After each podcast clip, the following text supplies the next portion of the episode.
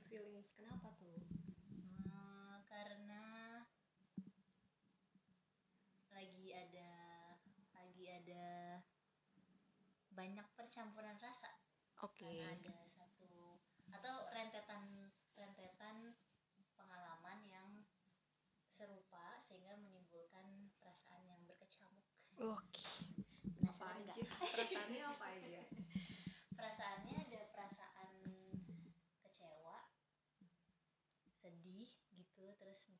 merasa gagal. Tapi juga ada perasaan apa ya kayak penemuan diri kali ya gitu oh ternyata gue itu Hmm. bla bla bla bla gitu jadi tiap tiap tiap peristiwa mungkin eh, menghadirkan penemuan diri yang beda gitu wow kecewa gagal Mm-mm. dan dari beberapa peristiwa ya iya. Berkenan menceritakan gak di? Jadi sekalian podcastnya sekalian curhat kali ya gitu ya. Iya boleh juga. Boleh, Ah, gitu aja ya. Iya kayaknya ya.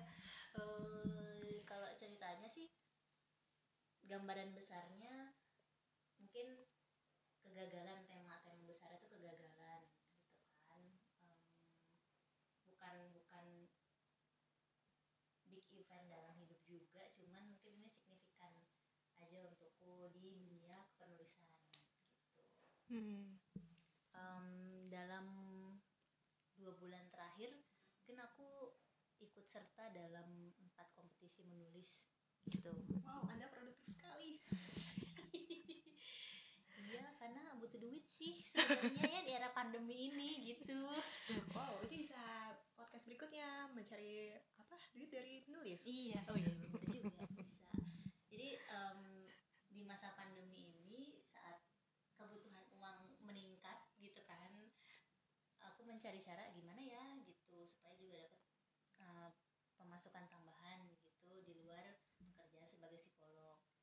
Nah ternyata ya itu pun sebuah sebuah apa ya mm, keberanian diri juga kali ya untuk ya mau ya kalau gitu karena aku bisanya menulis aku mau coba lewat hmm. Nah, jalur jalurnya pun mungkin sebenarnya ada banyak ya. Sebenarnya bisa apply jadi penulis lepas gitu. Nah, tapi aku memilih untuk ikut ajang-ajang perlombaan gitu yang berhadiah uang sekian juta rupiah gitu. menarik juga ya kenapa tertariknya ke lomba ya bukan misalkan yang tadi penulis lepas freelance atau ke sumbang artikel gitu kan mungkin ada sensasi yang berbeda ya kalau ikut lomba. Em, sama mungkin bidangnya lebih di yang sastra ya fiksi fiksi gitu. Aku nggak tahu tuh kalau penulis lepas biasanya kan di yang artikel-artikel yang non fiksi tuh. Gitu Mm-mm. kayak emang artikel sains ilmiah yang gitu kayaknya itu bukan aku deh gitu nah sementara kalau aku merasa kekuatanku adalah di yang em, fiksi gitu sehingga ya udah lewat jalur itu deh gitu nyobainnya hmm. oke Nah dari situ kemudian aku mencoba ya udah ikutin aja ke lomba-lomba seperti dulu ada masanya aku rajin ikut lomba tapi kayaknya sekarang paling rajin deh gitu kan Em, ngikutin lomba-lomba itu. Sang- karena waktu juga lagi berlimpah ya gitu nggak atau nggak juga sih emang lagi pengen banyak aja nih Hmm, iya sih ada ada ada keberlimpahan waktu juga di situ. hmm. Sama mungkin kedewasaan untuk ini kali ya kedewasaan serta dalam lomba tuh motifnya nggak semata-mata karena butuh duit gitu maksudnya oke udah bergeser ya Iya. bukan semasa eh, komersil gitu ya hmm, hmm. Kalau dulu emang kayak, "Duh, pengen menang karena dapet duit gitu kan. Nah tapi sekarang lebih lebih meredam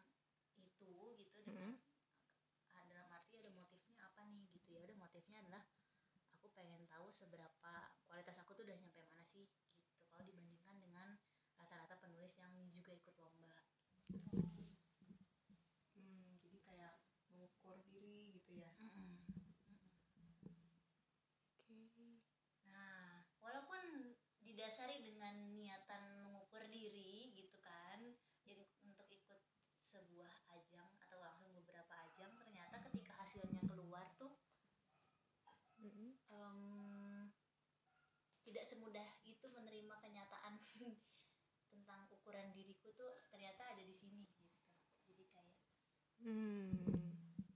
hmm, gimana ya jadi kayak eh dari dari empat ajang yang aku ikutin satu ajang nggak tahu masih pending gitu Mm. karena kepanitiaannya eh, tertunda nah dari tiga tuh yang dua gagal gitu jadi kayak bener-bener nggak nggak masuk ke ke berapa besar tuh nggak masuk lah gitu Ya, ya.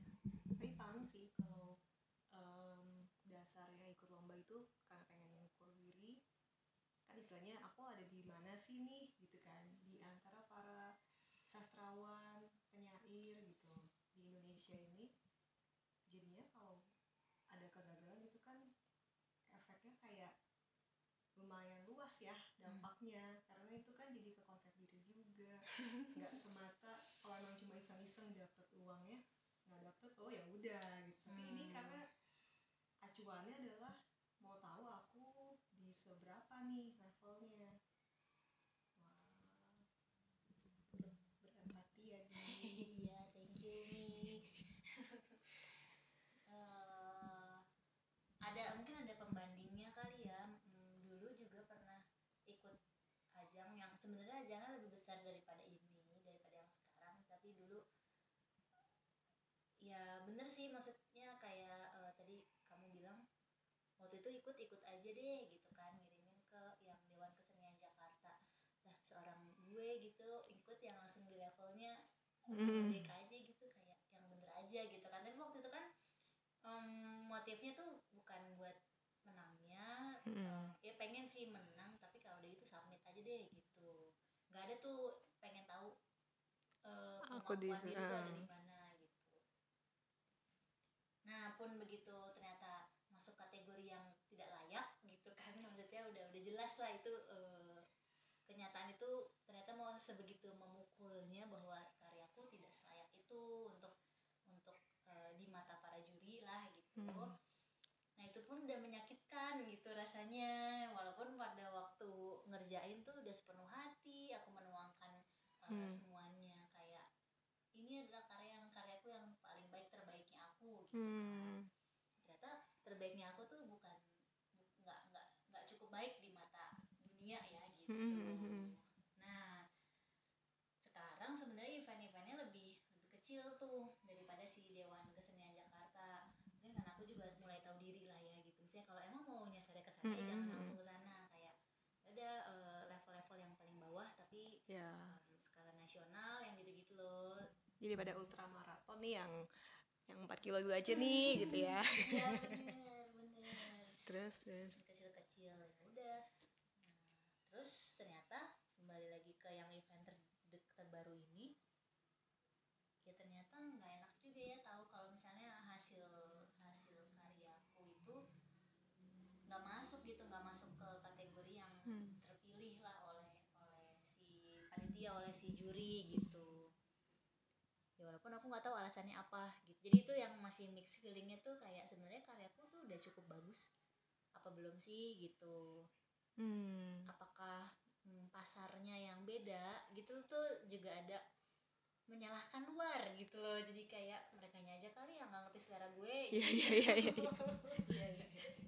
Ya nggak tahu juga sih. Kan memang tidak tahu ya kebutuhan atau standar si lomba itu acuannya siapa. Mm-mm. Ya dan kita mungkin nggak bisa masuk di semua pasar juga sebenarnya ya. Jadi di pasar yang A emang nggak nggak sesuai nih. Tapi yang aku masih kepikir itu em, ini ada kaitan karena punya harapan gak sih? Jadi kalau gagal itu jadinya rasa hmm, terpukul gitu. rasanya iya sih rasanya iya Hmm.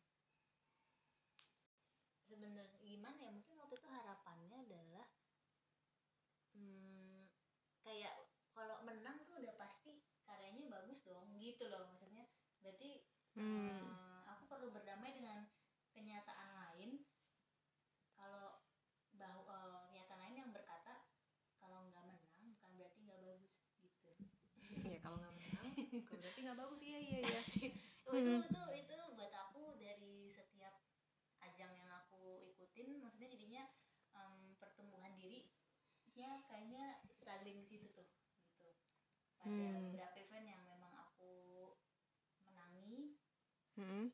Ya kan ada Aku- juga ya yang menang ada yang ya. "Heeh, aku dapat kepercayaan diri yang penuh gitu karena bukan hanya aku yang bilang bagus Mm-mm. ternyata eh, di luar aku juga bilangnya ini bagus gitu jadi kalau menang berarti artinya aku bagus kan gitu Oke.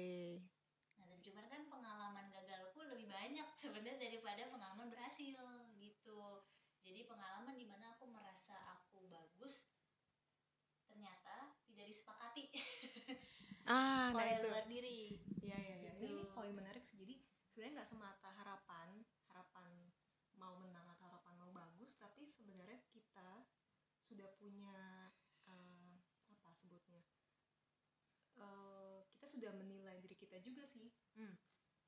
Nah, kalau kita udah bikin penilaian, penilaian itu nggak sesuai, itu sih kayaknya yang bikin terpukulnya ya. Ada event sebelumnya, aku menang nih Hmm.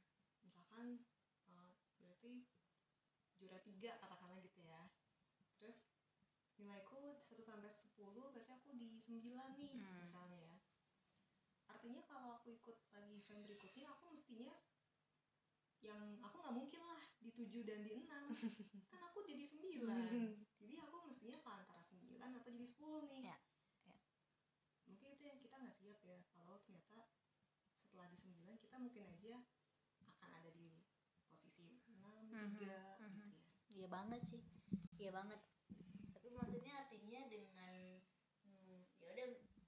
maksudnya ini berdampak juga sih kalau secara personal tuh eh, begitu tahu tuh nilai aku di juara tiga gitu kan, itu Mm-mm. pasti akan memacu semangatku untuk terus ikut lagi ya, ikut lagi, ikut lagi Mm-mm. gitu karena hmm, dengan bahan bakar, ya aku kan ada di posisi dengan ranking tiga nih, gitu. Mm-mm. Jadi kayak berarti aku bagus nih iya gitu ya kan nah terus ternyata enggak gitu maksudnya Mm-mm. eh, dari dari empat eh, dari tiga yang aku ikutin dua udah bilang bahkan aku enggak masuk masuk yang apa ya eh, jangankan 10 besar gitu misalnya kayak 100 besar itu juga kok enggak ada ya? Gitu kalau maksudnya kok enggak ada? Iya, gitu iya, iya, iya. maksudnya kenapa ya? Kenapa enggak ada ya? Bukankah aku udah cukup bagus kemarin eh, dari segi kemampuan atau teknik menulisnya? Gitu. Mm-mm. nah apakah berarti aku perlu mengevaluasi lagi eh, selain pasar ya emang berarti em, topiknya mungkin aku Hmm. kurang pas Em, gimana ya kayak seorang penyanyi yang sebenarnya tekniknya itu bagus cuma salah milih lagu gitu iya jadi pasti ajang jadinya eh, Mm-mm. nggak terpilih gara-gara lagunya salah pilih aja sih gitu. Mm-mm. nah apakah kemudian aku submit karya yang jadinya nggak sesuai dengan iya itu misalnya Mm-mm. aku juga nggak tahu sih iya iya gitu tapi yang pasti itu jadi jadi membuat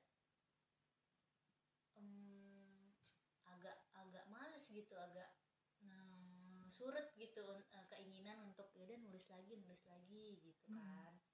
Karena ngerasa kayaknya nggak cukup bagus deh Hmm. gitu.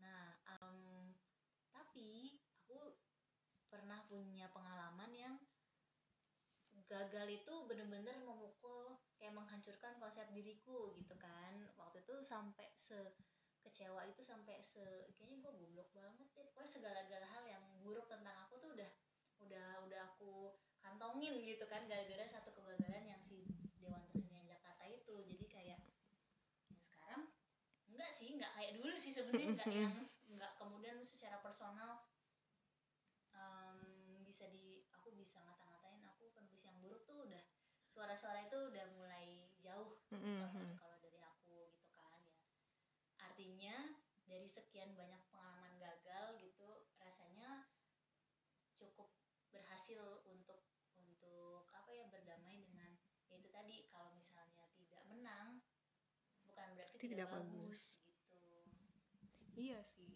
karena tadi aku juga pas dengerin kamu cerita udah di juara tiga, artinya kan mungkin sudah memenuhi skill-skill yang standar di situ ya. Misalnya nih, udah jago berarti untuk bangun alur gitu kan, atau untuk penokohan. Artinya kan itu sudah itu skill yang udah kamu punya. Dan ketika ikut lomba lagi, skill itu pasti akan dipakai dong nggak akan Hmm. itu dilepaskan jadi kan sebenarnya ketika kita ya itu akan akan menempel melekat di kita kan dalam Hmm. karya-karya kita berikutnya. Cuma kayaknya yang kita nggak bisa pastikan itu di luar itu sih standarnya itu ya. Maksudnya juara tiga di kom di event A komunitas A eh, belum tentu juara tiga juga di komunitas lain. Karena Ya, si komunitas ini punya standar gitu.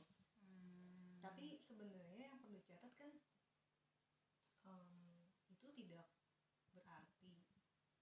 Aku nggak tahu tadi cuma ngebayangin ya posisi Dian itu. Dia nih sebenarnya di dalam kamu tuh eh, levelnya mungkin sudah naik sebenarnya udah naik. Apalagi tadi dia bilang nggak lagi ada pemikiran penilaian aku penulis yang buruk gitu ya. Hmm. jadi sebenarnya di kualitas eh, hanya di dianya saja nih itu sudah ada peningkatan gitu. Tapi tinggal ditempatkan dia ada di mana di mana di mana ya itu akan berbeda-beda. Cuma kalau kita pakai penilaian yang di luar itu untuk melekat ke kita, pasti kitanya jadi nggak stabil sih. Naik turun naik turun ya. Karena akan misalkan nih empat tahun lalu misalnya atau berapa tahun lalu tuh pas ikut lomba itu em, Dian itu di level kemampuan menulisnya di level masih level 4 misalnya Hmm. terus seiring berjalannya waktu ikut-ikut lomba upgrade skills sebenarnya sekarang tuh jadi 7 misalnya gitu Hmm.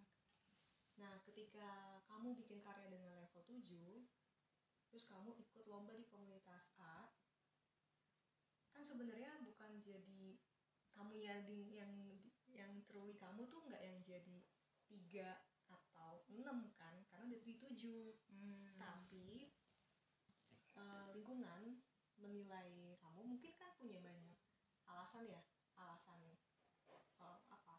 visi misinya mereka, alasan politis lah apalah. Hmm. sehingga bisa aja menilai kamu di uh, empat lagi atau di lima.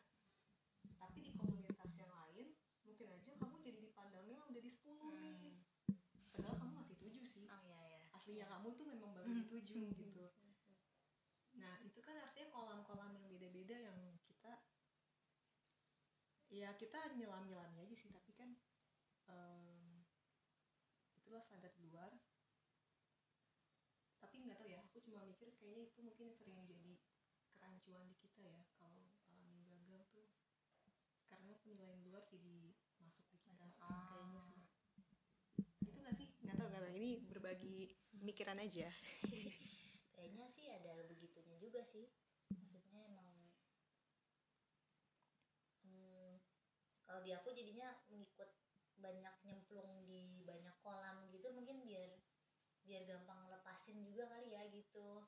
Enggak eh, ah, ya udahlah kalau di kolam A gitu siapa tahu nanti menang di kolam B gitu atau nanti siap-siap kalah lagi di kolam C.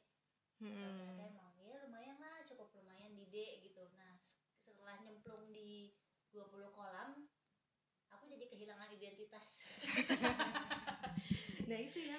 Karena kalau ya itu gimana gimana gimana hubungannya sampai kehilangan identitas gimana tuh enggak sih enggak mungkin enggak Logikanya maksudnya logikanya. logikanya adalah em, aku jadi akan akan ada ada yang mengcounter aku terus gitu tentang kebenaran yang aku yakini gitu, Ah. soal aku tuh jadinya mampu atau nggak mampu gitu kan di Mm-mm. posisi di saat aku mampu ternyata di tempat orang bilang aku nggak mampu gitu sehingga aku Hmm. mencoba di tempat yang lain oh iya terus akan mampu oh mampu mampu mampu mampu Hmm. nah itu akan apa ya eh, di satu sisi kalau aku nggak mau ambil pusing sih ah ya udahlah gitu yang penting aku suka nulis titik oke gitu. ah. Nah itu kayaknya identitas yang nggak bisa hilang gitu kan. Maksudnya Hmm. em, yang aku cintai adalah kegiatan menulisnya. Nah bahwa terus kemudian itu label-label itu loh Mi. Aku pernah menang di sini, aku Mhm. pernah menjuarai ini, Hmm. Hmm. aku baik di yang ini, aku bisa ini gitu tuh. eh, kalau berpegangan terus pada itu akan sulit nerima kenyataan yang ternyata aku juga gagal di sini, Iya, gagal iya, di iya. sini nggak men- nggak nggak ya ya gitu sulit menerima kenyataan bahwa kolam itu banyak banget Iya. dan beragam gitu ya dan kita eh, nggak bisa dapetin semua label yang kita mau itu bersamaan Mm-mm. dengan tar- eh, taraf yang sama gitu ini eh, nggak sama ini di tadi aku sempat baca postingan Indri Mm. eh, yang dibilang kalau yang jadi kayak eh, truth versus post truth ya jadi kalau misalnya dulu ada eh, statement aku berpikir maka aku ada Mm. nah kalau yang hari ini nih katanya aku meyakini maka aku yang benar gitu sesuai Oh. keyakinanku aja oke nah jadinya kalau emang kita cuma tadi hmm, kalau berpegangan ya aku emang bagus sih Hmm. gitu ya meyakini itu aja juga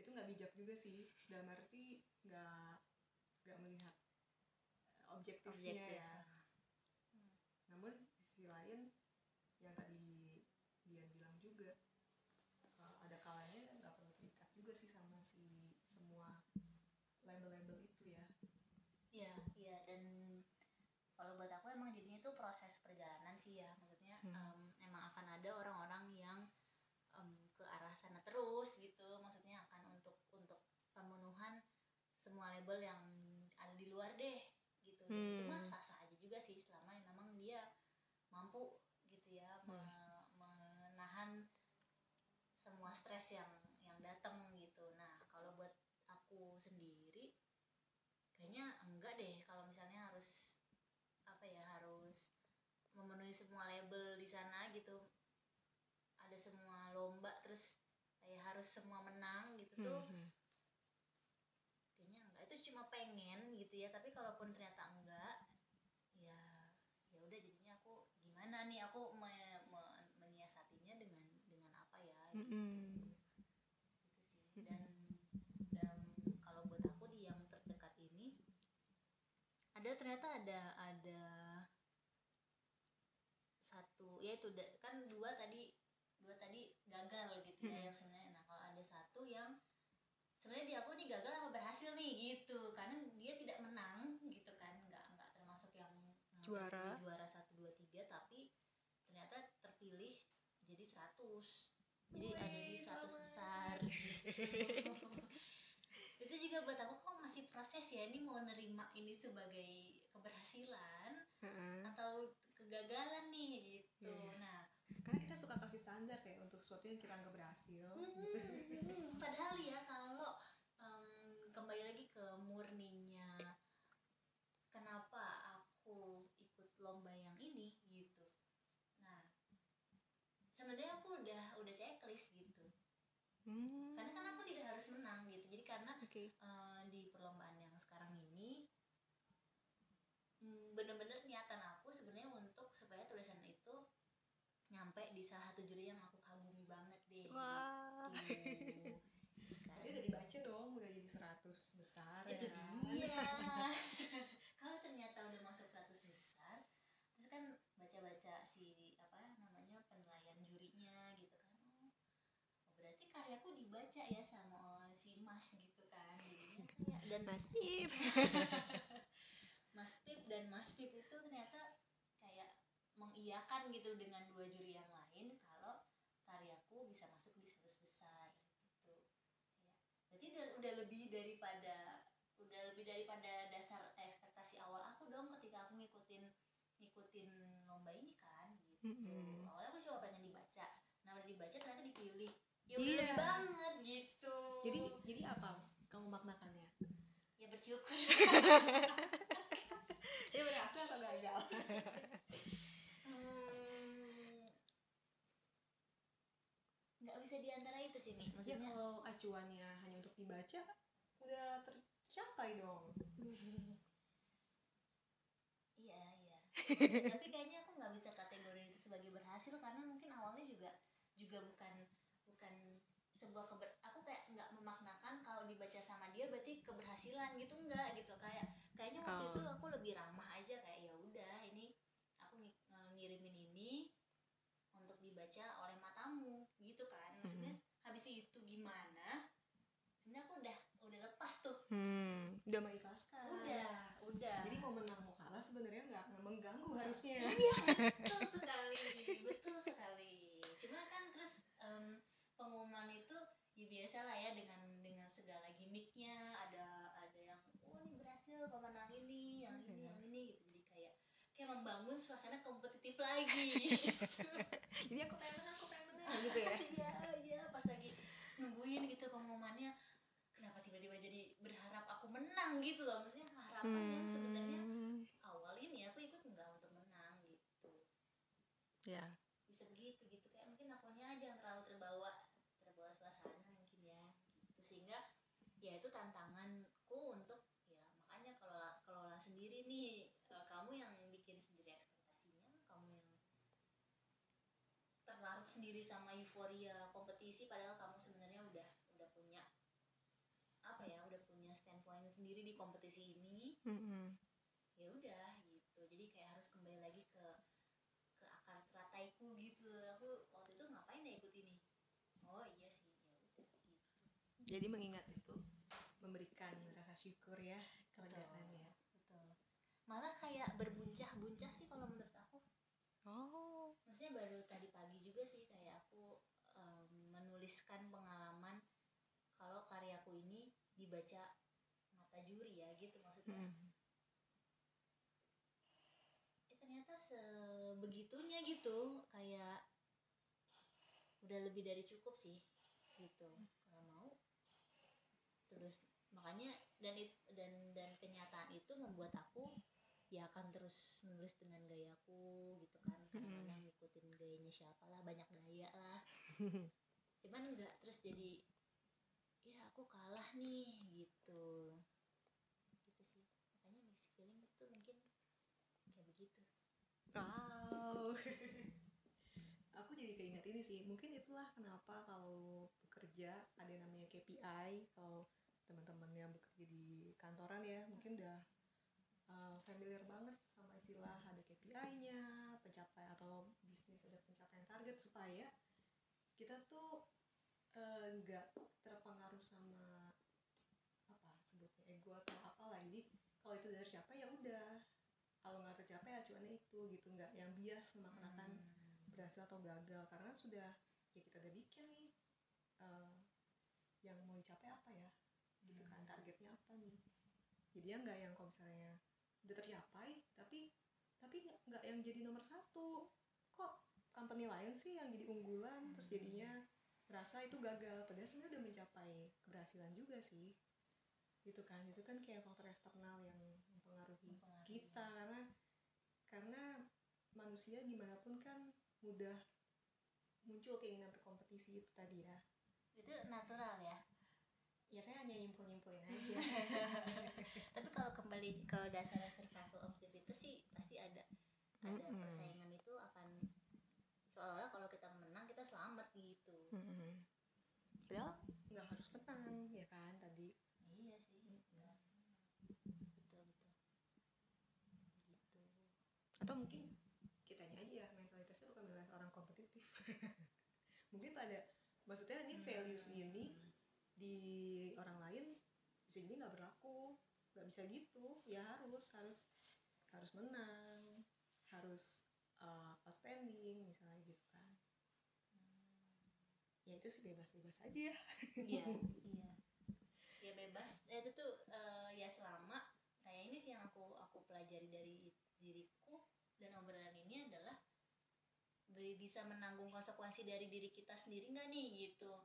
Nah boleh aja gitu kamu punya banyak mau boleh aja kamu eh, sesuka hati dalam memperlakukan dirimu sendiri Yep. tapi di belakang itu di balik itu setelah itu kamu juga mesti taking care of yourself gitu atas konsekuensi dari pilihan sikap yang Mm-mm. diambil gitu Ih, setuju banget sih itu. Itulah yang sehat sih sebenarnya. Memang tahu kapasitas kita seberapa. Em, maksudnya gini, ada tipe-tipe orang yang yang memang misalnya mudah khawatir gitu ya. Eh, nggak nggak usah dipaksa atau maksa diri untuk ngambil risiko besar karena misalnya ya penilaian lingkungan harus kayak gitu. Kalau nggak aku dianggap cemen atau apa. Nah masalahnya kalau orang lain itu sanggup menghadapi uh, kemungkinan terburuknya, risiko terburuknya, ya nggak apa-apa. Tapi kalau orang tersebut yang uh, banyak khawatir ini kan jelas dia maksudnya gini ya eh, memang nature-nya banyak khawatir sehingga ya itu dia perlu mengukur mana yang bisa aku ambil dan tidak. Hmm. karena kalau enggak kalau memaksa diri nanti ya yang kolaps yang kewalahan sendiri ya dia itu. Jadi kita nggak bisa samain ukuran kita. Ya mereka bisa kok. Ya inilah sebenarnya mungkin jebakan-jebakan dari para motivator ya yang bilang harus bisa harus bisa. Ya aku pernah juga sih maksudnya baca-baca tentang mindset itu bahwa kita akan selalu bisa apa yang kita mau apa yang kita uh, pikirkan itu akan terjadi. Di satu di banyak peristiwa banyak pengalaman itu benar sih itu ada sih terbukti pada berapa pada sebagian orang atau mungkin sebagian besar orang terbukti. Tapi ada juga yang itu tidak terbukti dan itu malah menimbulkan frustrasi. Yang nggak cuma merugikan ke dia tapi ke keluarganya juga. Nah yang seperti ini kan yang kita ada kalanya nggak bisa pukul rata semua semua kutipan-kutipan motivasi atau misalnya semua uh, mindset itu yang atau way of life yang kita pikir semua akan bisa. Nah tapi ya itu sih baik lagi ya untuk menyadari aku ini bisa yang mana ya? Ya itu PR lagi sih. Tetap perlu banyak mendengar motivasi-motivasi itu gitu kan ya maksudnya kayak kisah sukses orang-orang gitu yang emang ternyata dia bekerja keras dan tidak pernah tidur demi mengejar mimpinya dan dia berhasil gitu kan. Nah tapi juga ya pengalaman orang lain itu juga diterapkan juga sama diri sendiri. Terus ditimbang-timbang deh gitu itu masuk Mm-mm. akal nggak sih buat buat diri kita sendiri? Ya sesimpel analoginya mungkin kalau kita datang ke eh, tempat wisata apa sih yang wahana-wahana permainan ekstrim Hmm. itu kan ada tertulis ya eh, tidak diperkenankan untuk penderita sakit jantung eh, darah tinggi dan sebagainya ya udah jangan dipaksain Ah. kalau emang kita mengidap itu karena Oh, iya, eh, iya, bukan iya. artinya yakin kok aku pasti bisa Ah. yakin ya ya mungkin sih ah, mungkin ada peluang bahwa nggak apa-apa nggak ada masalah Ya itu baik lagi sih. Mungkin itu akan membuat ada terpecah pemikiran ah eh, khawatir aja misalnya gitu. Eh, harus yakin dong optimis misalkan. Tapi satu sisi lain ya udah itu realistis aja sih. Karena memik- ya paham juga konsekuensinya apa. Nah itu kan yang simple ya sih. mengenali diri kita diri sendiri kapasitas. Nah nggak tahu nih kalau misalnya nanti yang lebih abstrak itu kan lebih gampang tuh. Ah, mem- apa punya penyakit bawaan Hmm. terus aktivitasnya jelas tapi kalau yang udah abstrak yang mencapai target tertentu punya impian-impian tertentu nah itu nggak tahu sih aku juga ya Iya kayak pengelolaan waktunya kayak gimana gitu kan Hmm. maksudnya kalau tadi ngaitin ke contoh yang nggak bisa ngambil risiko besar gitu kan nah itu tuh ya mungkin juga emang eh, tanggung jawabnya banyak tapi emang kecil-kecil gitu loh. Jadi kayak bukan berarti juga orang itu cemen gitu loh ya. Iya iya iya betul. Lo nggak tahu aja banyak yang dia urusin gitu. Heeh. yang hal-hal yang lebih lebih apa ya hal yang sama pentingnya tapi buat buat kamu yang menilai mungkin jadinya kayak ih ngapain sih gitu doang? gitu sih. Mm-mm. maksudnya emang ya balik lagi soal standar sih ya maksudnya Mm-mm. biasanya itu yang ya kejamnya kejamnya masyarakat Mm-mm. ya akan di situ gitu cuman kita emang perlu gitu misalnya dari kecil emang emang perlu tahu em, banyak sekali standar di luaran itu Yep. gitu iya sih nyambung juga kayak eh, kenapa orang-orang itu banyak yang menyarankan gitu ya maksudnya kayak cobain hal baru dong di masa pandemi ini gitu kan Jadi Mm-mm. kayak semua orang jadinya em, ikutin ya entah tren juga gitu bahwa uh, orang yang sehat itu adalah orang yang uh, tetap produktif di masa pandemi ini gitu. Mm-mm. Nah, padahal ada juga uh, sebagian orang lain yang "Ih, gue bisa bertahan di masa pandemi ini aja udah syukur banget nih gitu. Hmm. Gue lo nggak mesti nggak mesti meng- mengeksplor diri ke kayak orang-orang yang lain kan. Nah, cuman sebagian kecil dari orang-orang ini mungkin jadinya ngerasa ada pressure gitu loh.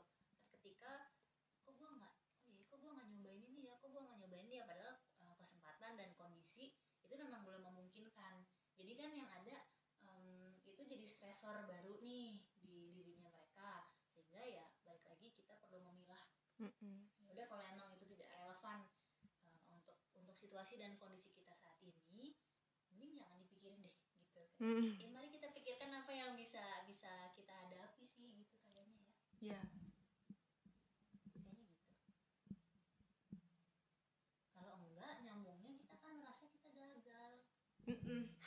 Balik lagi ke topik tadi kan.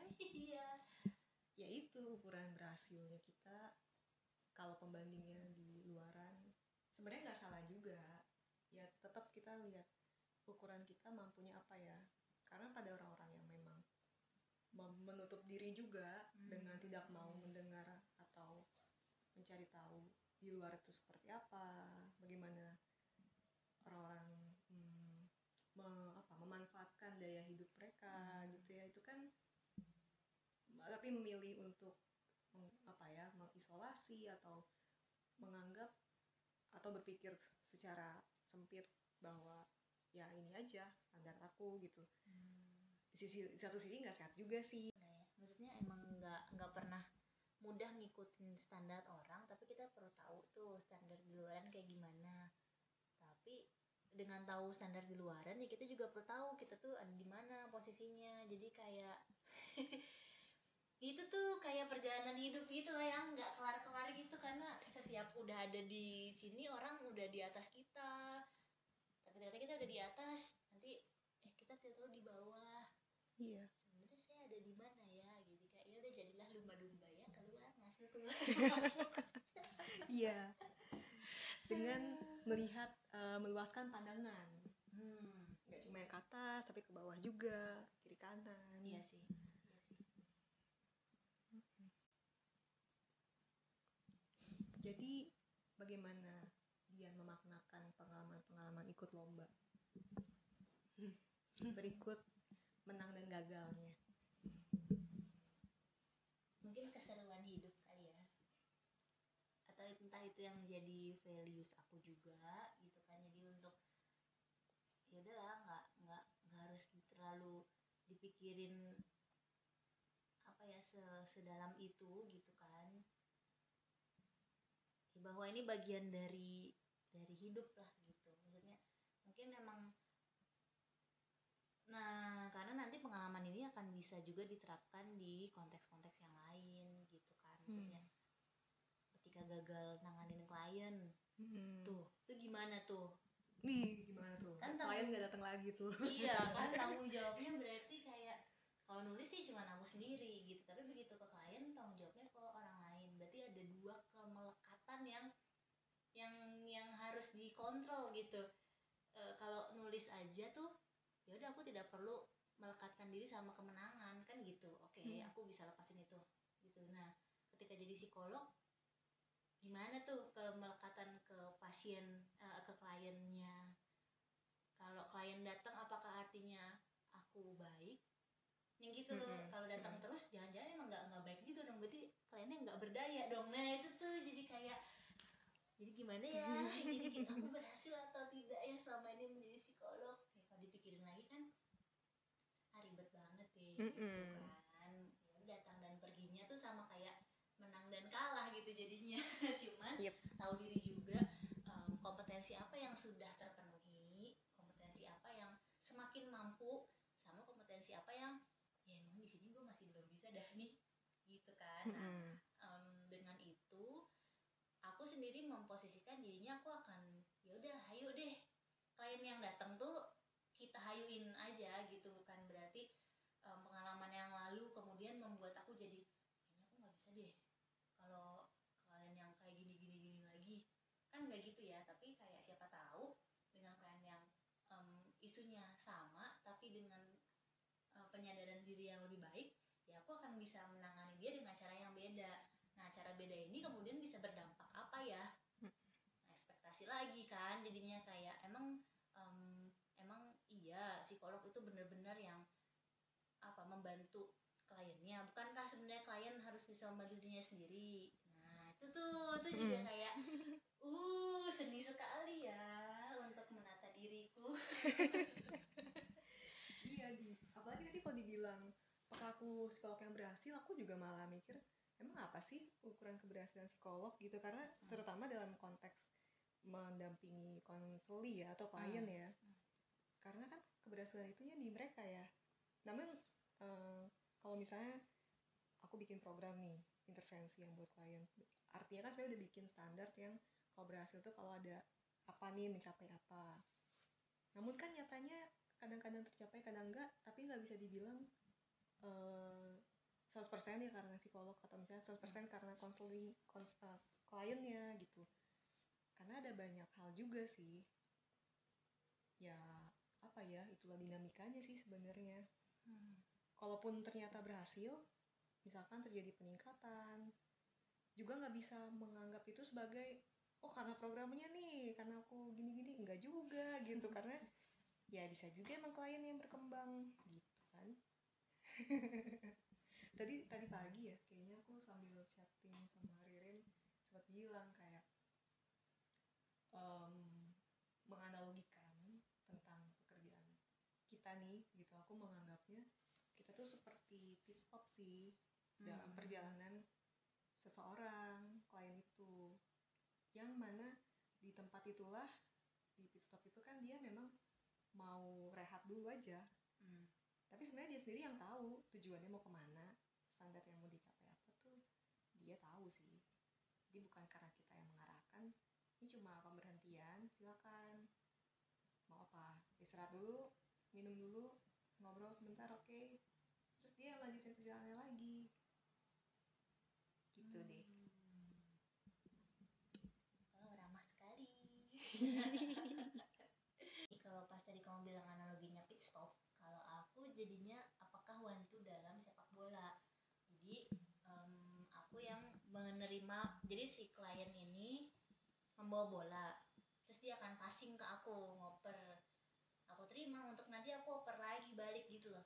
Tapi dalam permainan eh, sepak bola itu kan maju terus ke daerah lawan ya gitu jadi kayak two itu tek tek gitu ngoper dia si klien harus gerak ke depan untuk nanti nerima operan bolaku lagi yang aku kembaliin ke dia. Nanti dia akan bola gila bola itu ke mana.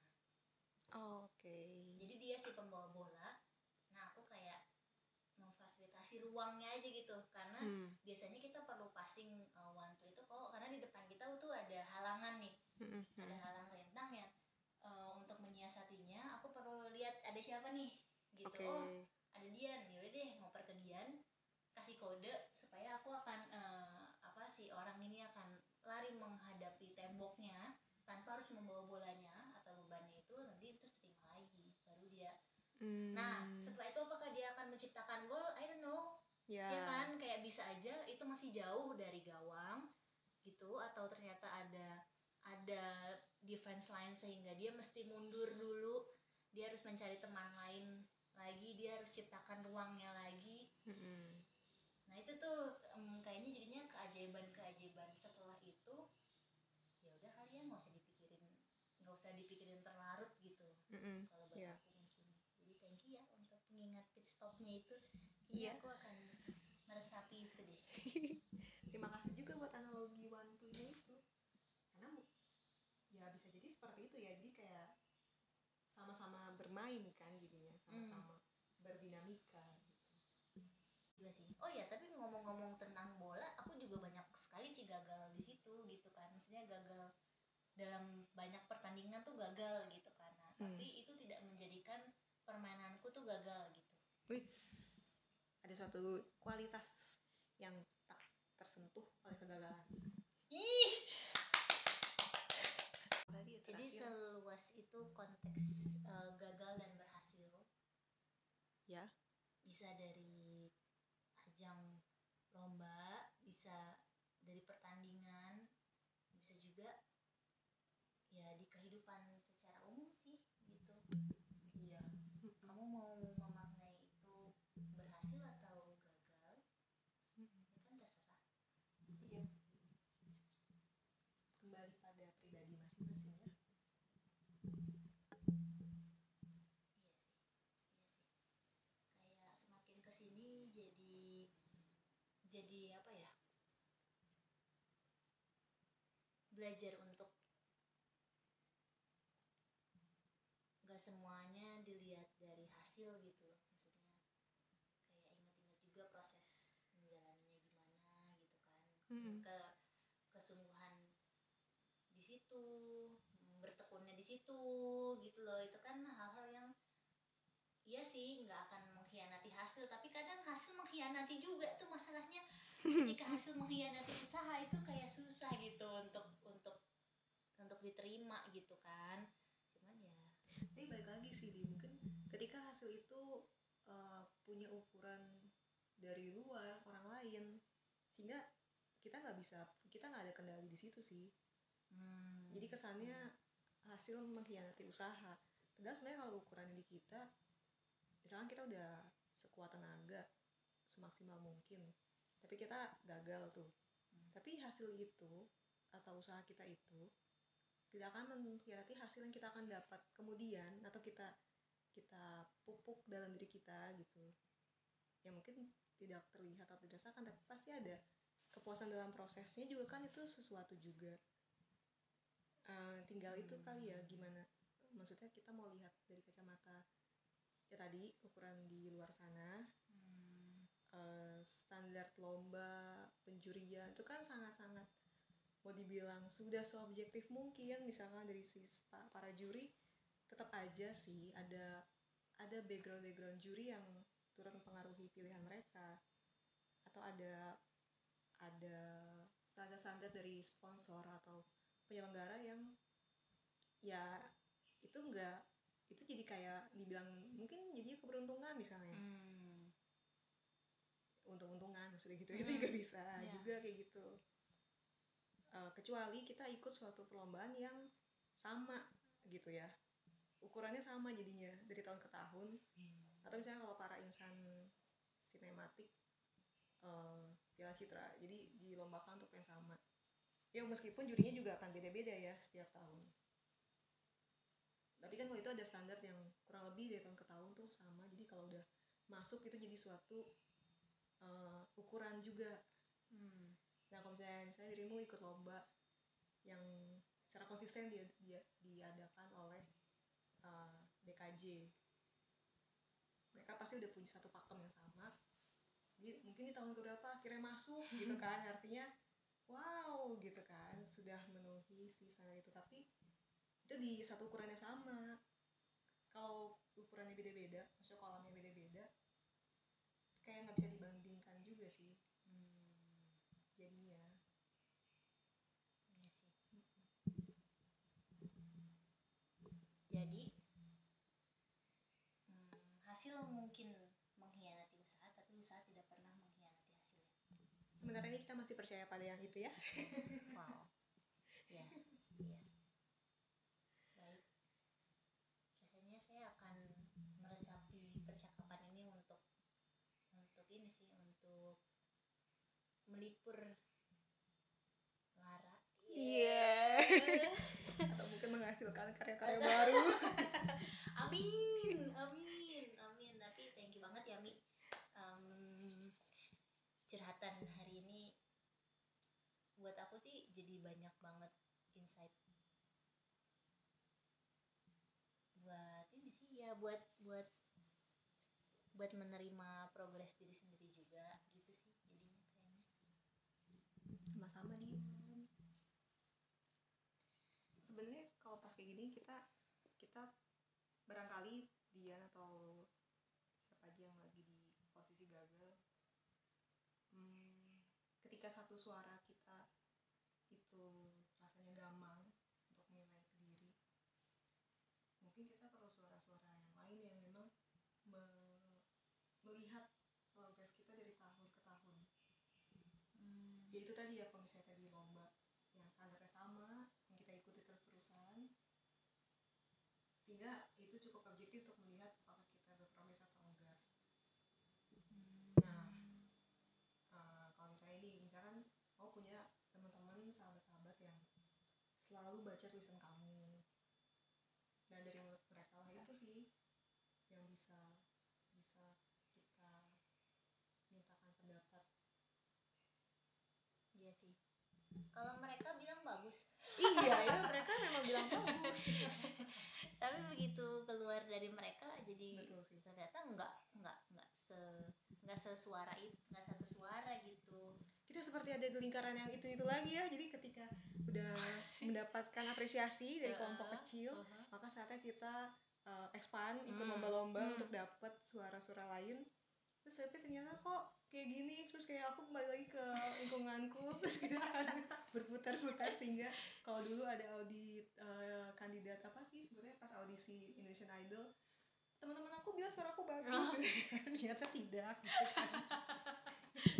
Jadi gimana ya emang butuh kejernihan hati ya pribadi pribadi yang bersangkutan juga Iya sih, bener sih. Makanya kadang aku juga meragukan sahabat-sahabatku sih ya. Jadi kayak ya udah deh aku mesti nyari sendiri di luaran tuh kayak gimana aku tuh sebenarnya. Cuman kalau untuk ngikutin ajang yang sama kayak misalnya setinggi DKJ, kayak belum ada keberanian untuk ke sana. Mm-mm. Gara-gara apa? Beran karena apa? Tidak berani karena takut gagal. Hahaha. Nah, kalau gitu ya sebenarnya eh, kalau misalnya ada satu apa lembaga asosiasi atau apa pun yang independen dan bisa mem- membuat pelatihan eh sorry bukan pelatihan perlombaan yang selalu ada tiap tahun ya itu tuh jadi kayak suatu barometer kan ukuran yang setiap siapa aja eh, penulis-penulis muda mau ikutan kalau udah lolos ya itu udah ada suatu standar yang dapat dipertanggungjawabkan Mm-mm. Nah kalau misalnya lombanya beda-beda kan standarnya beda-beda. Kalau di pekerjaan tuh namanya lembaga sertifikasi ya. Oh, jadi pentingnya RSP. Ada satu ukuran yang ya. jelas Hmm. dan lembaga itu pertahankan sepanjang setiap tahunnya, Iya sih. ya kan? Ya, Yes. mungkin kita juga sebenarnya emang ada sih Ada ya? dunia kepenulisan pun Ada ada, ya? gitu cuman ya yang udah yang udah di level-level sana sih dan Hmm. atau ya emang udah memberanikan diri ke sana sih ya bisa bisa deh saya akan akan pertimbangkan itu saran praktisnya ya. saran praktis ya bener bener banget sih bener banget cuman sekarang sambil mensyukuri bahwa produktivitas eh, menulis itu cukup tinggi gitu kan jadi eh, ya sambil melakukan itu juga sih gitu menulis. Tapi luar biasa loh di maksudnya eh, kalau aku tidak banyak mencoba gitu. Malah aku ngelihatnya orang yang gagal, maksudnya kalau punya banyak pengalaman gagal, artinya punya pengalaman banyak sekali mencoba. Punya pengalaman jauh lebih banyak daripada orang yang nggak pernah gagal. Ya karena ketika mencoba itu pasti peluangnya antara menang atau gagal. Berhasil atau gagal. Nah, kalau misalnya dia udah punya lima kegagalan, berarti kan orang ini setidaknya udah ikut lima kali pengalaman.